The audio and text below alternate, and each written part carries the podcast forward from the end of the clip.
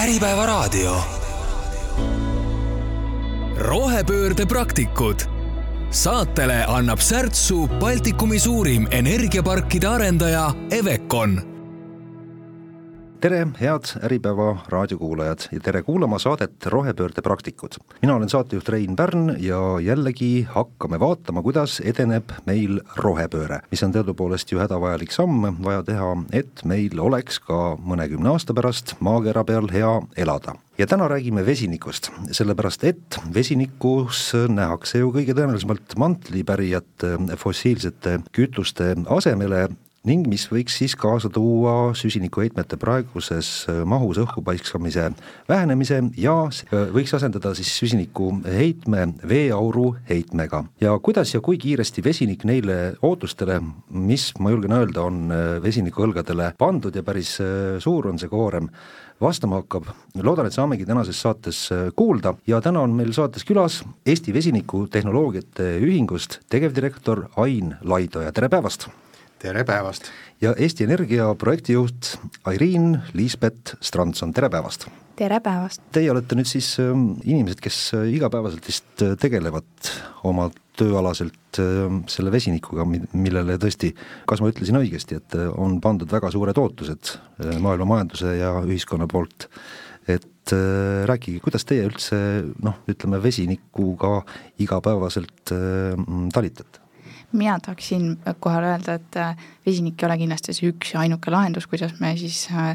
taastuvenergiale täielikult üle lähme, ta on üks lülidest, ta on meie üks äh, suurest valikust ja teda siis võiks kasutada seal, kus ta on mõistlik, kindlasti mitte, et igale poole teda suruda. aga see, et kuidas siis sattusime vesiniku teema peale, et mina tulin Tartu Ülikoolis, kus siis mu lõputöö oli vesiniku teemal ja nüüd siiamaani on, põrjetan vesiniku teemadel et pandi seda lõputööd tähele ja, ja kohe kutsuti Eesti, Eesti Energiasse, et äh, hakka aga pihta, et äh, mis sa siin teoretiseerid jah, see kindlasti aitas kaasa tööle saamisele, et, et alust, alusteadmised olid võib-olla juba natuke olemas. ja Ain äh, Laidoja, võib-olla põgusalt kuulajatele tutvustad ka, mis on Eesti Vesinikutehnoloogiate Ühing, millega see tegeleb ja,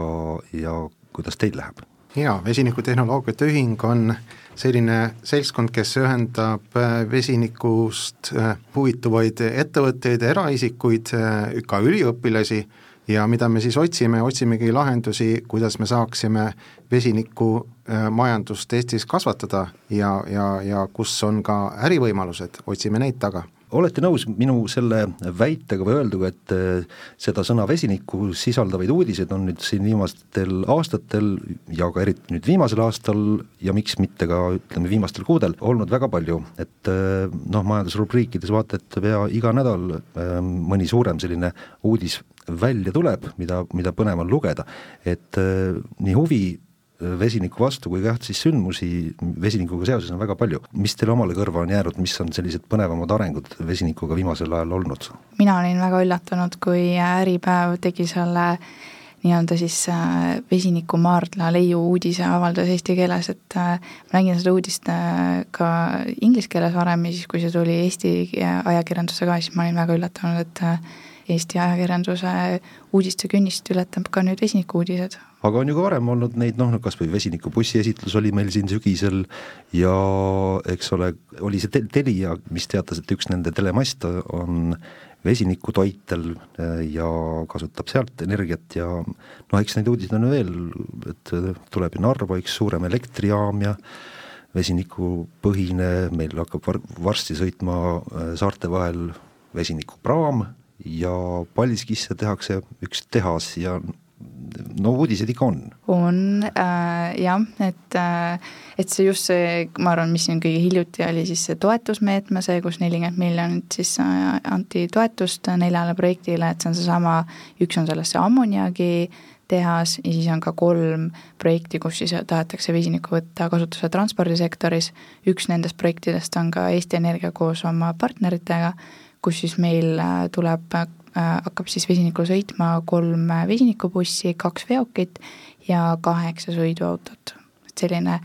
küllaltki väike, aga, aga väga, väga, ma arvan, kindlasti kasulik pilootprojekt mis teile kõrva on jäänud, mis uudiseid võib siin veel tulla või milliseid uudiseid te tegelikult ise ootaksite? no järgmisena nüüd äh, kindlasti esimesest toetusmeetmest äh, olek-, võiks äh, varsti valmis saada Eesti esimene vesiniku tootmisjaam, milles, mida ka siis äh, transpordisõidukid hakkavad kasutama. mulle meeldib see, mis jutuks tuli, see valge vesinik, ehk siis maa maa seest leitav vesinik, et, et jah, et on selline müüt, et, et looduslikult vesinikku ei esine, et, et tegelikult on see juba vana Äh, tõdemus, et maa seest äh, juhtub ka vesiniku valla pääsema, et äh, Mali saarel oli niisugune juhus, kus kaevati näiteks vee saamise eesmärgil puurauki, sealt puuraugust hakkas äkki vesinikku tulema, mida saare elanikud otsustasid kohe sealt kasutama hakata ja, ja mis vesinikupraami uudist puudutab, see on ka päris huvitav, et me ju tegime siin Eestis äh,, viimati mainiti seda kliimaambitsiooni analüüsis, et, et saarte vahel võiks hakata käima vesinikupraam ja siis äh, siis esimene pakkumine oli see, et ta võiks just äh, teha seda Hiiumaa vahelist sõidu, äh, sõitu teha, et ja just seepärast, et see vahemaa on pikem, et võib-olla akutehnoloogia ei ole valmis, võib-olla liiga raske, võib-olla ei kannata nii pikkasid vahemaid. Äh, tänane uudis on küll see, et, et seda praami soovib riik hakata kasutama Saaremaa vahel, mis on natuke mõistatus minu jaoks, et miks mitte siis Hiiumaa poole seda praami sõidutada. jah, aga mis siin Eestis on, on see, et, et, et, et pigem noh, mis uudised, et pigem vaataks seda, mis me Eestis teha saaksime selle vesinikuga, kuhu ta sobituks ja ja mul tuleb kõige rohkem, hakkab praegu pähe tekkima see, et meil tuleb ju hästi palju taastuvenergiat äh, turule. me räägime suurtest tuuleressurssidest Eestis, Eestis, meil on ka palju päikeseparke äh, rajatud, et noh, pigem vaataks seda, et, et kus me võiksime seda vesinikku Eestis kas siis kasutada, mis, kuidas vesinikku edasi väärindada, missugused tööstused me võiks siin are-, arendada, siia kutsuda, siin kasvatada, et see vaade, et, et te, tegelikult ega see transpordisektor ei ole ju ainukene asi, kus vesinikku kasutada saab. transpordisektor on minu meelest see teine, et kõige tähtsam ja kust, kus vesinikku kasutatakse kõige rohkem, on ikkagi keemiatööstus ja sinna ta võiks ikkagi jääda, et see transpordi osa on ikkagi selline teisejärguline, et, et kui meil on olemas elektriautod, mis on praegu toimivad, et, et me ei pea siis ju kõiki neid elektriautosid ja kõiki neid äh, nüüd järsku vesinikuga asendama, et äh, ma arvan, et mõlemale on ruumi siin turul. aga miks ei võiks? et mis, mis on siin need põhjused siis? no hetkel vesinikutehnoloogia just näiteks sõiduautode puhul, ta ei ole nii valmis, ta ei ole nii odav kui ähm, elektriauto, kuigi äh, kui vesinikuautost rääkida, siis ta tegelikult ikkagi sõidab ka elektri peal, aga seal on siis kütuseelement, mis äh, muudab vesiniku elektriks. Aga sellegipoolest jah, et äh, hetkel veel on tehnoloogia kallis, isegi kui ta läheb odavamaks, siis mõlemad on head variandid, aga noh, näiteks mis vesiniku poolest on siis plusspool, on see, et tal ei ole äh, nii-öelda temperatuuritundlikkust. Et kui meil akude puhul talvel ikkagi kilometraaž väheneb, siis äh, vesinik ei karda külma ja temaga saad sa siis äh, iga temperatuuri juures sõita siis sama maa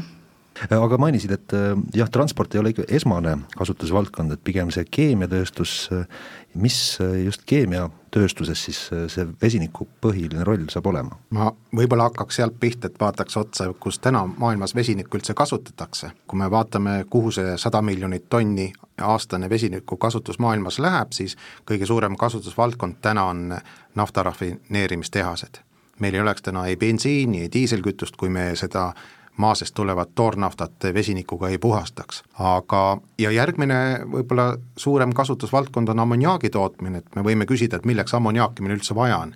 aga ammoniaak ongi lähteaine selleks, et toota näiteks põllumajandusväetisi ja tänapäeva põllumajandus ei toimiks ilma väetisteta, nii et kui me tahame ära toita sellise koguse rahvaarvu maakeral, siis ilma väetisteta me ei pääse. kolmas võib-olla suur tarbimisgrupp on metanoolitööstus, metanoolist omakorda saab teha erinevaid plastikuid, tööstuse sisend äh, palju ja võib-olla need on need, need, need, need suurem, suurimad kasutusalad aga kui me vaatame nüüd pikemaajaliselt ette ja me arvestame sellega, et võib-olla tulevikus meil nii palju nafta tooteid nagu transpordis ei kasutata, siis me eeldame, et see transpordisektoris kütuste kasutamine võib väheneda, see tähendab, väheneb ka vesiniku vajadus maailmas nafta rafineerimistehastes, aga kus ta tõuseb ja, ja väga suures koguses tõuseb vajadus, on terasetööstus, kus me täna väga palju kasvuhoonegaase emiteerime ja seal hakkab meie rohelist vesinikku hästi palju vaja olema. nii et me pigem peaks mõtlema seda, et kuidas olemasolevad vesinikukasutused ära äh, kliimasõbralikuks teha ja need kogused, kus me peame asendama maagaasist, söest, äh, naftast tehtud vesinikku, see võib-olla, see võiks olla esimene koht, kust alustada. me ei pea liiga kitsalt vaatama Eesti raames, et me pigem vaatame suuremas pildis, kuidas äh, kas siis Euroopa tähenduses või maailmas, kus meil seda vesinikku eelkõige vaja on. ja vesinik on mõnes kohas, on ta täiesti asendamatu asi, transpordisektoris ehk on meil ka mõi-, muid võimalusi, näiteks juba mainitud akutehnoloogia et ammoniaaki ja metanooli ju praegult juba toodetakse, aga seda saaks siis teha siis äh, nii-öelda keskkonnasõbralikumalt ja nii-öelda siis neid e-kütuseid toota e, e-metanooli e, e-ammoniaaki, kus siis äh, vesinik on roheline vesinik, ehk siis see rohevesinik tähendab seda, et vesinik on toodetud taastuvenergiast. ehk näiteks ammoniaak NH3, et siis äh, lämmastik ja vesinik äh, paned kokku ja saadki ammoniaagi kas see siis äh, ongi võib-olla selline helesinine unistus või ma ei tea, kel-, kuidas siis äh, avalikkusele äh, sellisena kujutatud, et et kõige, kõige rohelisem, kõige puhtam tulevik saab olema see, kui fossiilkütuseid üldse enam ei kasutata ja kõik kui tanklas käivad, siis lasevad omale sortsu vesinikku paaki. hästi hea küsimus just seoses sellega, mis varem sai mainitud, maaga, maa, maast tulev vesinik ehk valge vesinik ja mul tekib nüüd niisugune mõte, et, et noh, me juba ütleme, et ta on valget värvi, eks ole, ma olen ta nime andnud, eks ole, aga kui ta maa seest tuleb, kas see vesinik on siis fossiilne? Ja kui ta on fossiilne, siis ta ju justkui nagu oleks paha, aga kas ta siis on paha, kui ta ei tee seda oma põlemiselt CO2 ei emiteeri, et me oleme kuidagi enda elu mõtlemisega keeruliseks muutnud, nii et eh, kõik fossiil ei pruugi üldse paha olla. Jah, kui ta on vesinik, siis, siis ei ole paha, aga kui ta on ikkagi nafta, fossiilne nafta, siis, siis ilmselt ikkagi on, on paha või kui selline võrdlus nagu võtta. ja jah, tõepoolest, et üks paiskab õhku auru, teine seda siis äh, süsinikku, et ikkagi siin on ka oluline vahe, kuigi juba ma kuulsin ka ühte sellist väidet, et äh, kui nüüd hakkame kõik vesinikku kasutama, siis äh, tekib liiga palju vett õhku ja see tekitab omakorda probleeme, kas see on mingisugune tõsisem, tõsisem väide, teie kui ma eeldan, olete füüsika ja keemia teemades süvitsi nagu kursis, et et äh, võib see, võib see mingisuguseks probleemiks võib-olla laiemas plaanis osutuda? no esiteks alustame sellest, et äh, kui sul on äh, elektriauto, millel on aku, mille efektiivsus on seal kaheksakümmend, üheksakümmend protsenti, mida on, kui sul on võimalik seda võrguelektriga või noh, elektriga laadida, et praegult siis on see tehnoloogia see esmajärguline ja selle vesiniku puhul tema, kui ta üldsegi transpordisektoris läheb, siis ta läheb ka näiteks juba siis pigem näiteks mingi raskeveokite poole või busside, ehk siis busside või veokite poole, et aga aga seda, et meil kõik sõiduautod, asjad läheksid vesiniku peale, seda, seda küll keegi ei ennusta ja ma arvan, et see veeauru probleem on ka seal üle paisutatud. mina ka ei oska seda veeauru teemat kommenteerida, ma tean, et vesiniku saamiseks on vett vaja ja kui see vesiniku kasutamise järel tema lõpp-produkts on jälle vesi, siis on justkui nagu ringmajandusega tegemist, et ei tohiks nagu väga suur probleem olla. seda siis ei, ei, ei tõenäoliselt ei, ei tulegi, et maailmas on valdav osa selliseid autosid, mis sõidavad ainult vesiniku peal ja siis jah, et tanklasse, kui me läheme, siis tangime ainult vesinikku, et seal nagu see fossiilne äh, naftasaadus, bensiin, diisel, et see nagu muutub selliseks teisejärguliseks, et sellist aega ilmselt ei tule mitte kunagi no mul ei ole kahjuks seda kristallkuulikest, mis no ennustaks ette, mis tulema hakkab, aga kui lugeda neid uuringuid ja mis nagu, mis meil eesmärgid on, siis äh, vesinikusõiduk oma efektiivsuse poolest, vesiniku tootmise nagu tsükli poolest ei ole nii efektiivne kui elektriauto kasutamine. ehk kui see lahti seletada, kuidas üldse vesinikku toodetakse ja kuidas see lõpuks äh, ühe auto tööle paneb, liikuma paneb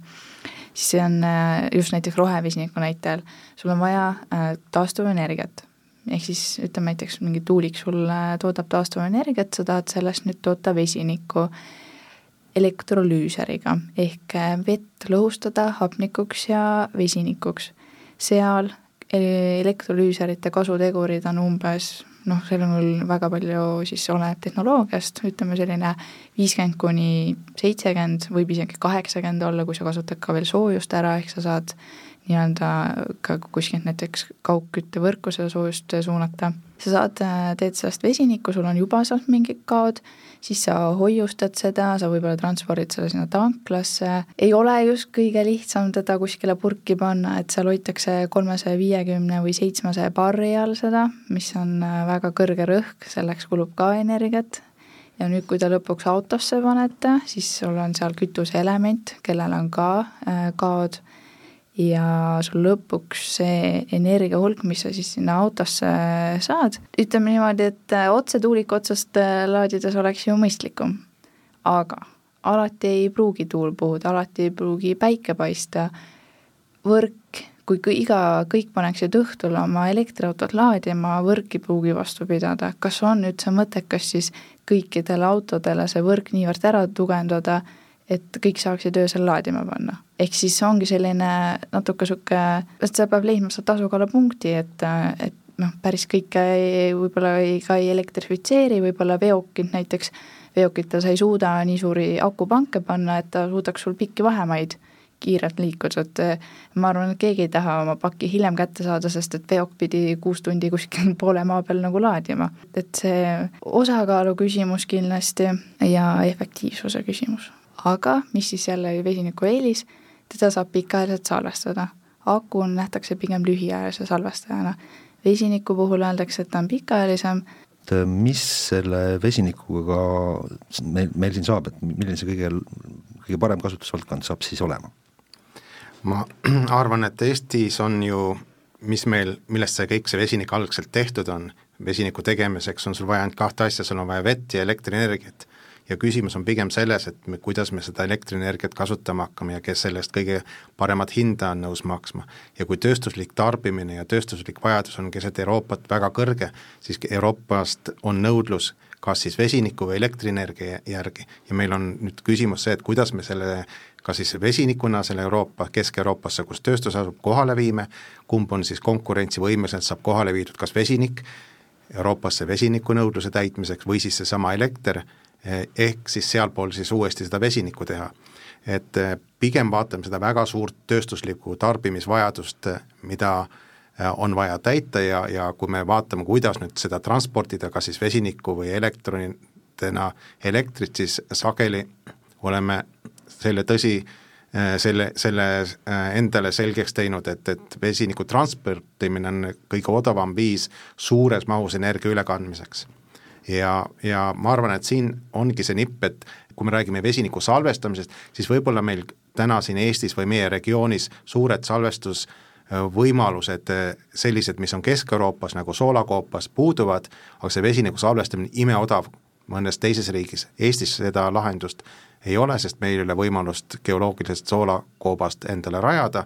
ja, ja siin see vastus ongi, kuidas ja kus peaks vesinikku salvestama. ehk äh, võiks toruga transportida, on see kõige lihtsam viis, kus saaks suuremahuliselt vesinikku transportida ja siis ka seda teistele riikidele näiteks viia, sest et mis ongi taastuvenergia puhul, on meie, ta ei ole juhitav äh, energia tootmine, ehk äh, mõnikord on meil seda tuult liiga palju ja, ja selle, sellega saaksime me näiteks oma siis elektrit väärindada ja seda ka siis mujale riikidesse müüa ja see vesinikutoru on täielikult, ongi täiesti, on olemas projekt, kus tahetakse siis üle Euroopa äh, teha toruühendus vesiniku transportimiseks miks on, äh, vähemalt mulle tundub nii, et maailmas ikkagi ollakse sellisel äraootaval seisukohal ja niisugust suurt vesiniku hurraad ei ole veel toimunud, äh, võiks öelda suurt pauku või mingisugust noh, et äh, vesinik saaks mõnes kasutusalas nagu, nagu domineerivamaks ja siis natukene sai siin ka selgitatud, et miks see niimoodi ei ole hetkel siis, aga või, või kuidas teile tundub, et kas see hetk mingil ajal võib, võib ka tulla? Ain, äkki, äkki selgitad, et Jaa. mis see olukord nagu maailmas laiemalt on praegu? jah, ja veel kord, noh, vesinikus ei ole ju midagi uut, me kasutame seda hästi palju. miks sellist suurt äh, või mingit murrangut või noh, ühest küljest on äh, regulatsioonid ja ajad on segased, et, et noh, neid uusi regulatsioone tuleb uksest ja aknast iga päev sisse, et äh, väga raske on järge pidada. aga huvipuuduse üle küll nagu üldse kurta ei saa, et, et hästi palju huvi on ja, ja, ja, ja ka investeerimisotsuseid tehakse täna näiteks pole vaja kaugele vaadata, kui palju arenguid on täna näiteks meie põhjanaabrite juures. võib-olla kui mõelda seda, et, et mis see tarbija huvi võib olla, et vesinik ei olegi tarbijale nagu selline lõpp-produkt, mida tarbija ise otseselt nagu vesinikuna kasutada saab, et pigem tuleb see, eh, välja arvatud siis, kui transpordisektoris seda kasutada, aga, aga kõige suurem tarbija huvi väljendub ilmselt ühiskonna soovist tarbida rohkem kliima- ja keskkonnasõbralikke produkte ja, ja kuidas seda huvi ja see tööstus ilmselt sellele huvile tugineb. Ja samamoodi, kui me vaatame, kuidas tulevastele investeeringutele rahastust saada, ka pankadel on oma finantseerimisotsuste tegemisel on kaalukausiks see, kas investeeringud lähevad rohesektorisse ja siis pigem mitte sellesse varasemasse fossiilsektorisse, kus me CO2 emiteerime ja, ja siit tulevad ka jälle need uued regulatsioonid Euroopa poolt, näiteks nagu kestlikkuse aru, aruandluse direktiiv ESG, mis annab meie ettevõtetel võimaluse ka lahti mõtestada, mis ja kuhu poole liikuda ja mis võiks olla uues valguses meie äriline huvi. sellepärast äh, ongi pigem selliste suurte, kuidas öelda, tegijate äh, pärusmaa see, et kuidas nad seda vesinikku hakkavad tegema, et milliseid tehaseid rajama ja, ja, ja nende kasutada on pigem siis see vesiniku teema ja jällegi küsin üle, et, et, et sellist asja olema ei hakka, et tanklasse lähed ja, ja võtad omale pudelitäie vesinikku ja siis teed sellega no ma ei tea, mis iganes kodus. no tegelikkuses saab igaüks endale vesiniku, vesinikku toota, et äh, pane, pane mõni metall ja ma ei tea, kas või harilik pliiats sinna vette ja patareiga ühenda ära ja hakkabki sul veest vesinikuühapniku mullid tulema, aga aga selles mõttes, et, äh, et jah, et, et see, mis nagu äh, minu poolest võib igaüks endale selle vesinikuballooni koju osta, ta võib endale kütuseelemendi osta, ehk siis sellise nii-öelda elektrigeneraatori. Ja siis on nagu tagavara, nagu kui on diiselgeneraator, on ka siis ka vesinikugeneraator, mis ei tee esiteks lärmi nagu diiselgeneraator ja tal ei ole ka siis CO2 komponenti, et ja kui see vesinik on veel ka roheliselt toodetud, siis vesiniku tootmisel ei eraldanud CO2 ja vesiniku kasutamisel ei tule CO2 ega kasvuhoonegaase, nii et äh, kes soovib, võib seda teha juba täna. oli siin äh, ka uudis, et äh, Keskkonnainvesteeringute Keskus jagas äh, neljale projektile Eestis nelikümmend miljonit eurot just vesiniku äh, teemas, et äh, paljud ei tahtnud küll kohe midagi eriti rääkida, et mis nad selle rahaga pihta hakkavad, aga kas Eesti Energia saab natukene selgitada, et äh, ma eeldan, et enam-vähem võrdselt jagunes see raha, et igaüks sai seal kusagil kümme miljonit, et mida e-, Eesti Energia nüüd selle KIK-i toetusega ette võtab? mitte igaüks ei saanud kümme miljonit, vaid kogu projekti tervikahela siis toetus oli kümme miljonit ja jah, sellest, et see oli alles, et me saime, see uudis oli see, et me saame alles toetust, et äh, nüüd alles see kõige raskem töö hakkab, et me peame selle panema tööle. Ja ütleme niimoodi, et äh, kuna siin need projekti toetustähtajad on siin nihkunud, siis nüüd on ka siis projekti elluviimistähtaeg suhteliselt lähedal juba, pooleteist aasta pärast peab olema vesiniku tootmine püsti kui sa teed seda esimest korda, siis see võib päris hirmus olla, katsumuste rohke, aga jah, näiteks meie siis see tervikahela projekt, et koos partneritega üritame ära teha, et äh, eks paistab. kas siis maailmas ka ei ole kusagilt seda praktikat eriti võtta, et kes mõne sellise vesinikul põhineva elektrijaama püsti paneks, et see ongi niisugune leiutamisega koht praegu. tegelikkuses see elektrolüüs on selline, et põhimõtteliselt äh, telli, telli ja sulle tuuakse kohale see konteiner, et see on nii-öelda, öeldakse selle kohta ka riiulitoode, vesinikusõidukid, näiteks vesinikubussid on juba suurlinnades, ma ei tea, Los Angeleses, on äh, juba sõidavad, sest et äh, ta hoiab ära seda CO2, ehk siis suurlinnades, kus on probleeme, et õhu kvaliteet on halb, on juba, juba, juba, juba sõidavad vesinikubussid. aga, aga jah, seda nüüd on juba näiteks vastupidine see, et äh, kui sa soovid endale vesinikubussi tellida, siis sa võib-olla ei saa, sest et nõudlus on niivõrd suur, et siin tulevad järjest uudised, kuidas esimesed, need, nendel ettevõtetel, kellel on juba esimesed pilootprojektid tehtud ja nüüd juba tahavad need sada bussi tellida niimoodi, et siis ju, nüüd on juba probleem, et, et sa ei saa võib-olla või ooteaeg on pikk, et et iseenesest midagi uudset seal ei ole, aga lihtsalt nüüd selle taastuvenergia ja, ja kliima siis neutraalsusega on siis see suurem, suurem tähelepanu. aga mainisid sõna paari katsumus rohkem, mis seal, me räägime nüüd sellest Narva saja megavatisest elektrijaamast, mis siis kas saab või, või hakkab kuidagi seda vesinikku seal kasutama? pilootprojektis on äh, just see, et, et Eestis ju ei ole väga palju neid tootmisjaamu, keegi ei tea, mis, äh, mis, kuidas, kui sa lähed kohalikku omavalitsusse ja ütled, et tere, ma sooviks äh, vesiniku tootmisega alustada, siis arvatakse, et see teeb väga suurt pauku ja see on väga ohtlik ja ja et, et, et väga hirmus, aga tegelikkuses noh, see on natukene selline ettevaatlikkus, sest see on uus asi ja ma saan täiesti aru sellest, see peabki, kui keegi tuleb sulle midagi uut asja rääkima, peabki ettevaatlik olema. rääkides sellest saja megavatisest äh, elektrijaamast, see on siis elektri- ja soojusjaam, seal jah, on meil plaan siis äh, liikuda sada protsenti vesiniku peale, see on siis vesinikuturbiin, aga kuna äh, praeguses seisus sellist vesinikukogust ei ole kättesaadav, siis meil on ikkagi, et äh, algul on äh, siis äh, maagaasivõrguga ühendatud ja järk-järgult siis, kui vesiniku, kättesaadavad vesinikukogused suurenevad, siis ka turbiinis saab vesinikku rohkem kasutada. sa mainisid, et et rahastust kokku oli nelikümmend miljonit, tegelikult oli seda rahastust algul pakkumisel viiskümmend miljonit eurot, mis praegu on tore ära märkida, et see, see käesolev rahastusvoor tõi meie ettevõtjate lauale investeerimiskavatsusi väärtuses äh, sada miljonit euri. aga kurb on see, et, et see, et see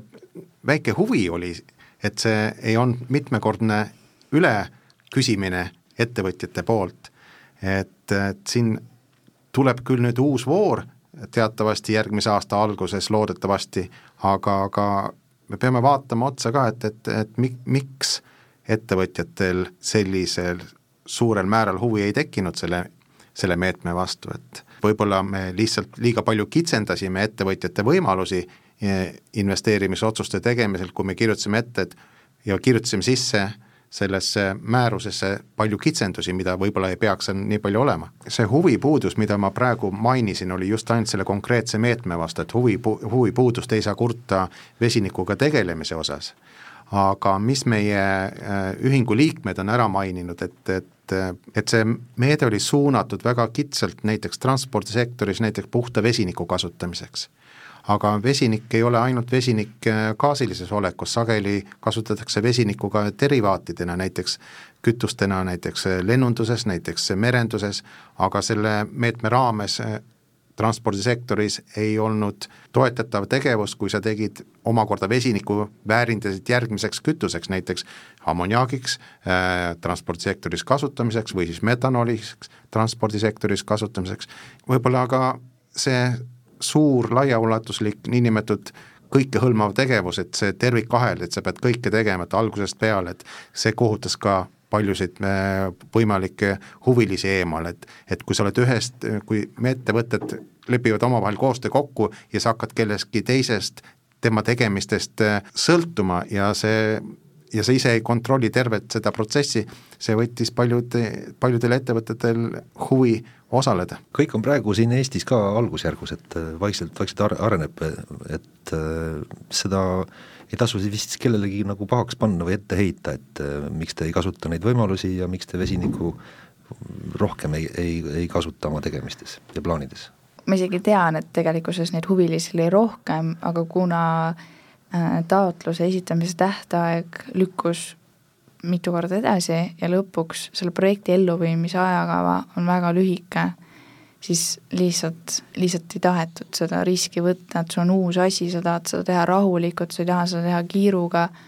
aga kui sul on vaja pooleteist aastaga juba mingisugune tootmisjaam püsti panna, siis tegelikult see on väga, väga lühike aeg. korra käis nüüd see nende värvide, värvide teema, ehk siis äh, laiem küsimus on see, kas vesinik üleüldse on keskkonnasõbralik, võib siis öelda kütus või, või, või aine, kui seda kasutama hakata, et räägitakse siin, eks ole, et et ainult üks protsent on seda kõige, kõige puhtamat mida kas siis on võimalik või praegu üleüldse kasutatakse, et äh, ülejäänud kõik, mis ei ole see valge vesinik, ehk siis on see kollane, pruun ja must, et kõik see, noh, ma ei tea, kas seda ei peaks üldse kasutama siis või nendest värvidest rääkides, et mis on, mis on teie kommentaar siin äh,? Roosa jäi veel mainimata ja sinine jäi mainimata mm., aga tegelikult on see ju hästi ilmekas viis, kuidas inimesele ära seletada, et, et kui suure kliimamõju või keskkonnamõjuga üks või teine toode on, et kui me räägime rohelisest vesinikust, siis on selline vesinik, mille tootmisele ei kaasne kasvuhoonegaaside äh, õhku paiskamist, kui me räägime hallist vesinikust, mis on tehtud fossiilsest maagaasist, siis me nimetame seda halliks, kui me teeme seda söest, siis ta võib olla must, eks ole.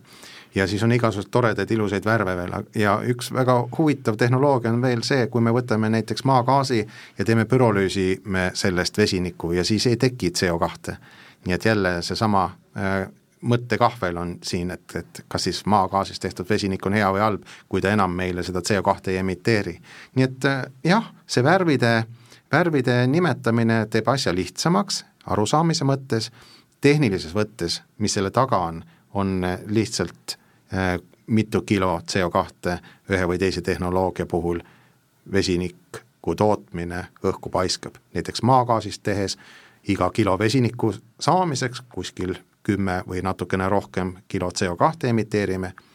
ja siis paljud tehnoloogiad on seal enam-vähem siin vähem või rohkem nii et mitte iga vesiniku kasutamine ei, ei too kohe sellist äh, keskkonnahoidu kaasa äh, või, või, või puhtamat äh, õhku meile kõigile. jah, see on nagu ka biokütustega või biodiisliga näiteks, et diisel või biodiisel, et mõlemad on nagu sama, aga ühel on siis väiksem CO2 jalajälg või komponent või seda. ja kõikidel nendel värvidel on ka siis erinevad hinnad, et praegult on veel ju fossiilne ehk hall vesinik meil kõige odavam aga liigutakse siis selles suunas, et meil oleks siis see äh, roheline vesinik ehk siis äh, CO2 mitte paiskav vesinik ka sama odav kui fossiilne. Äh, alguses mainisid seda Prantsusmaal leitud seda suurt vesinikumaardlat, mida sel-, selline uudis üldse selles mõttes tähendab, et juttu on siis, ma saan aru, fossiilsest vesinikust, mis ei jah, on tore küll, et see sealt leiti, aga kui see sealt kõik välja tuua, siis keskkond ei pruugi seda kõike kiita. mis sealt siis õigupoolest leiti, et mis värvi me sellele Prantsusmaa eh, mitme tuhande meetri sügavusel olevale vesinikule külge saame panna? valge vesinik või isegi vist kuldne vesinik on ka öeldud. mina olen kuulnud, et seda nimetatakse valgeks vesinikuks ja, ja teadlased ei ole siiamaani ka omavahel kokku leppinud, et kust see vesinik nagu pärineb, et mis protsesside tulemusena ta seal maal siis nagu tekib aga üks asi on selge, et kui ta valla pääseb maa peale, siis ta ka siit ära haihtub, kuna vesinik on niivõrd äh, kerge gaas. aga tõepoolest jah, et kui selliseid äh, äh vesinikumaardlaid niinimetatud üle maailma leitakse, siis üks võimalus on need kasutusele võtta, teine koht, kus kindlasti vesinikku veel leidub, on samas maagaasis, ühes või teises kohas on teda rohkem maagaasi hulgas, mõnes kohas kümme protsenti mahuliselt, mõnes kohas rohkem-vähem kui hakata nüüd see teema siis kokku võtma, et, et noh, vesinik on, on, on tore, et ta on nagu tähelepanu alla tulnud ja hea on, et pingutatakse ja tore on ka see, et ka, ka riik ja loodetavasti ka mujal maailmas riigid on hakanud jah, siis valitsuskeskselt toetama erinevaid projekte, et ei oodata, kui erasektor või mis iganes startup'id siin äh, millegiga välja tulevad, vaid, äh, vaid valitsuste roll peaks, peaks olema ka ütleme, vesiniku osas oluliselt tugevam äh, nii meil kui mujal. ma näiteks tahaks siinkohal öelda, et oli uudis, et meil tuleb vesinikuvalmidusega praam, et hangitakse, aga on ka hange operaatori jaoks ja seal näiteks ei ole öeldud, et see operaator peaks vesinikku tarbima. no igaüks võib nüüd ise edasi mõelda, meil tuleb vesiniku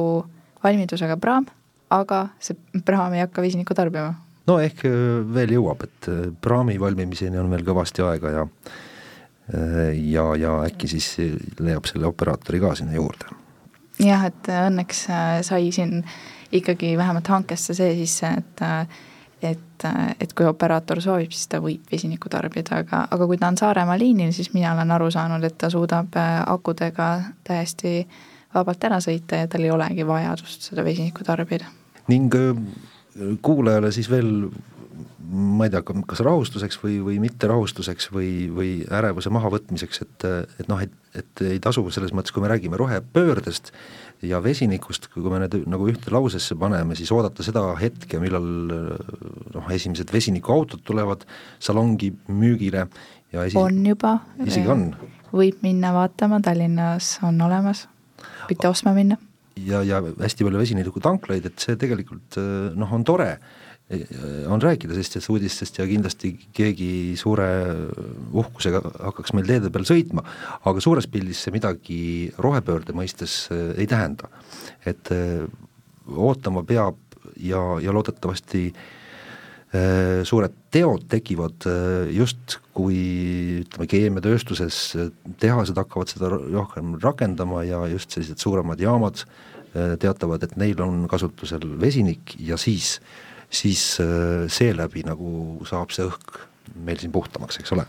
Ootama ei pea üldse kaua, meil on täna võimalus vesinikuautot osta, meil on järgmine aasta kaks vesinikutanklat, vähemalt kaks vesinikutanklat Eestis olemas, meil on Eestis täna autoregistris viis vesinikuautot, kui päris aus olla, siis Eestis on ka olemas üks vesinikutankla täna, paraku asub see Riias, seal me käimegi täna tankimas, jär-, äh, olukord muutub äh, järgmine aasta, siis me saame juba Tallinnas tankida, nii et äh, ei ole siin vaja mitte kaua oodata. ja ka varsti Tartus ja Pärnus. Ain, ma arvan, et mäletad, kui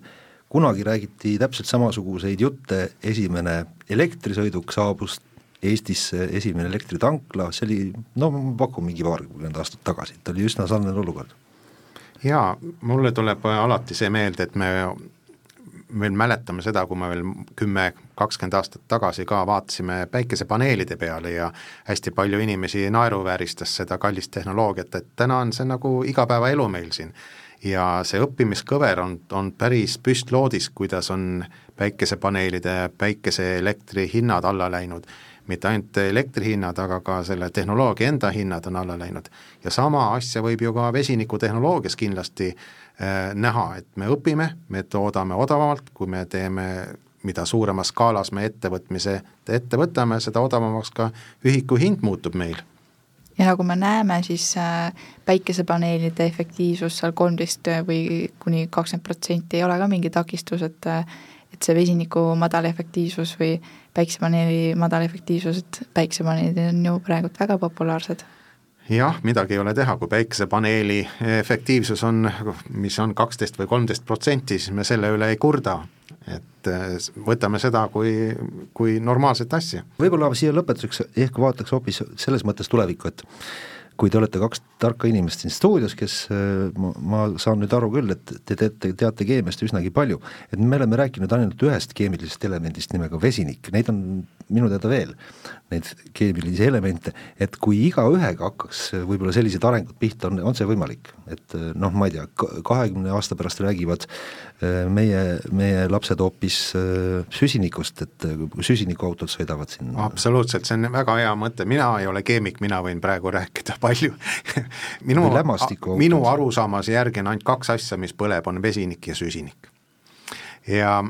ja, ja, ja kõik meie tänased kütused ongi ju süsivesinikud ja kui me nüüd täna vaatame seda, mida me Eestis saaksime teha või mis ressursse või potentsiaali on meil Eestis, siis me oleme ära hinnanud, et Eestis on kakssada viiskümmend tuhat tonni aastas võimalik vesinikku toota, võttes arvesse ainult meie meretuule äh, ressurssi. Ja teine pool, et kuidas me seda vesinikust ja siis näiteks sellest süsinikust võiksime mingisuguse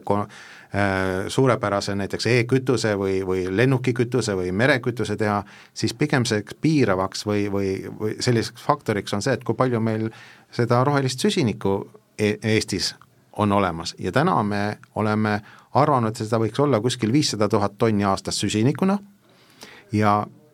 mitte rohkem ja see seabki meile piirid, kui me plaanime näiteks äh, vesiniku kaasabil teha näiteks metanooli või siis äh, lennukikütuseid, me lihtsalt rohkem teha ei saa.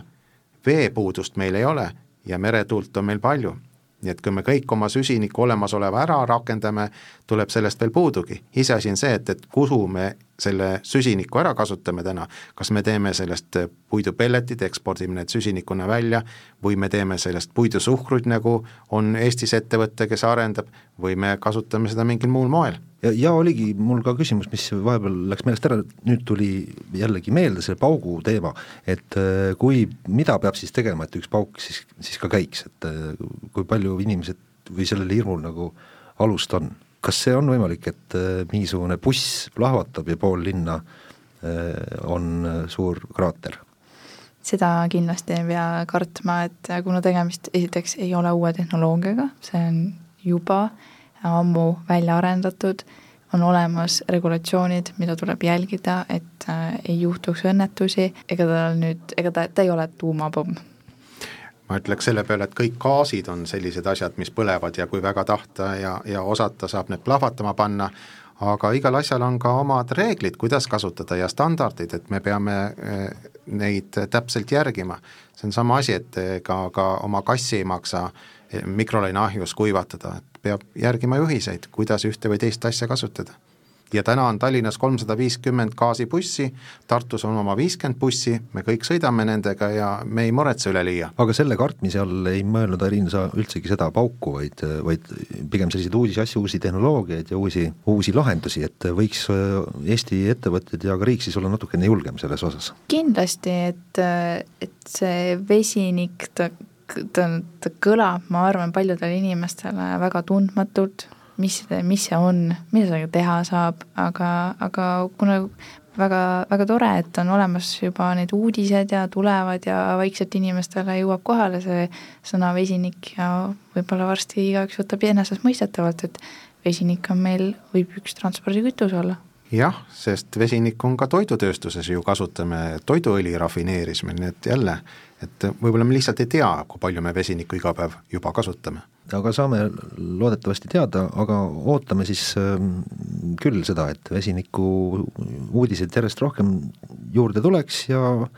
ja vesinikku rohkem kasutama hakatakse. väga tänan äh, saatesse tulemast Eesti Vesinikutehnoloogiate Ühingust tegevdirektor Ain Laidoja, Eesti Energia projektijuht Airiin Liisbet Strandson ja aitäh ka kõigile kuulajatele saadet kuulamast, kena päeva jätku ja järgmise korrani!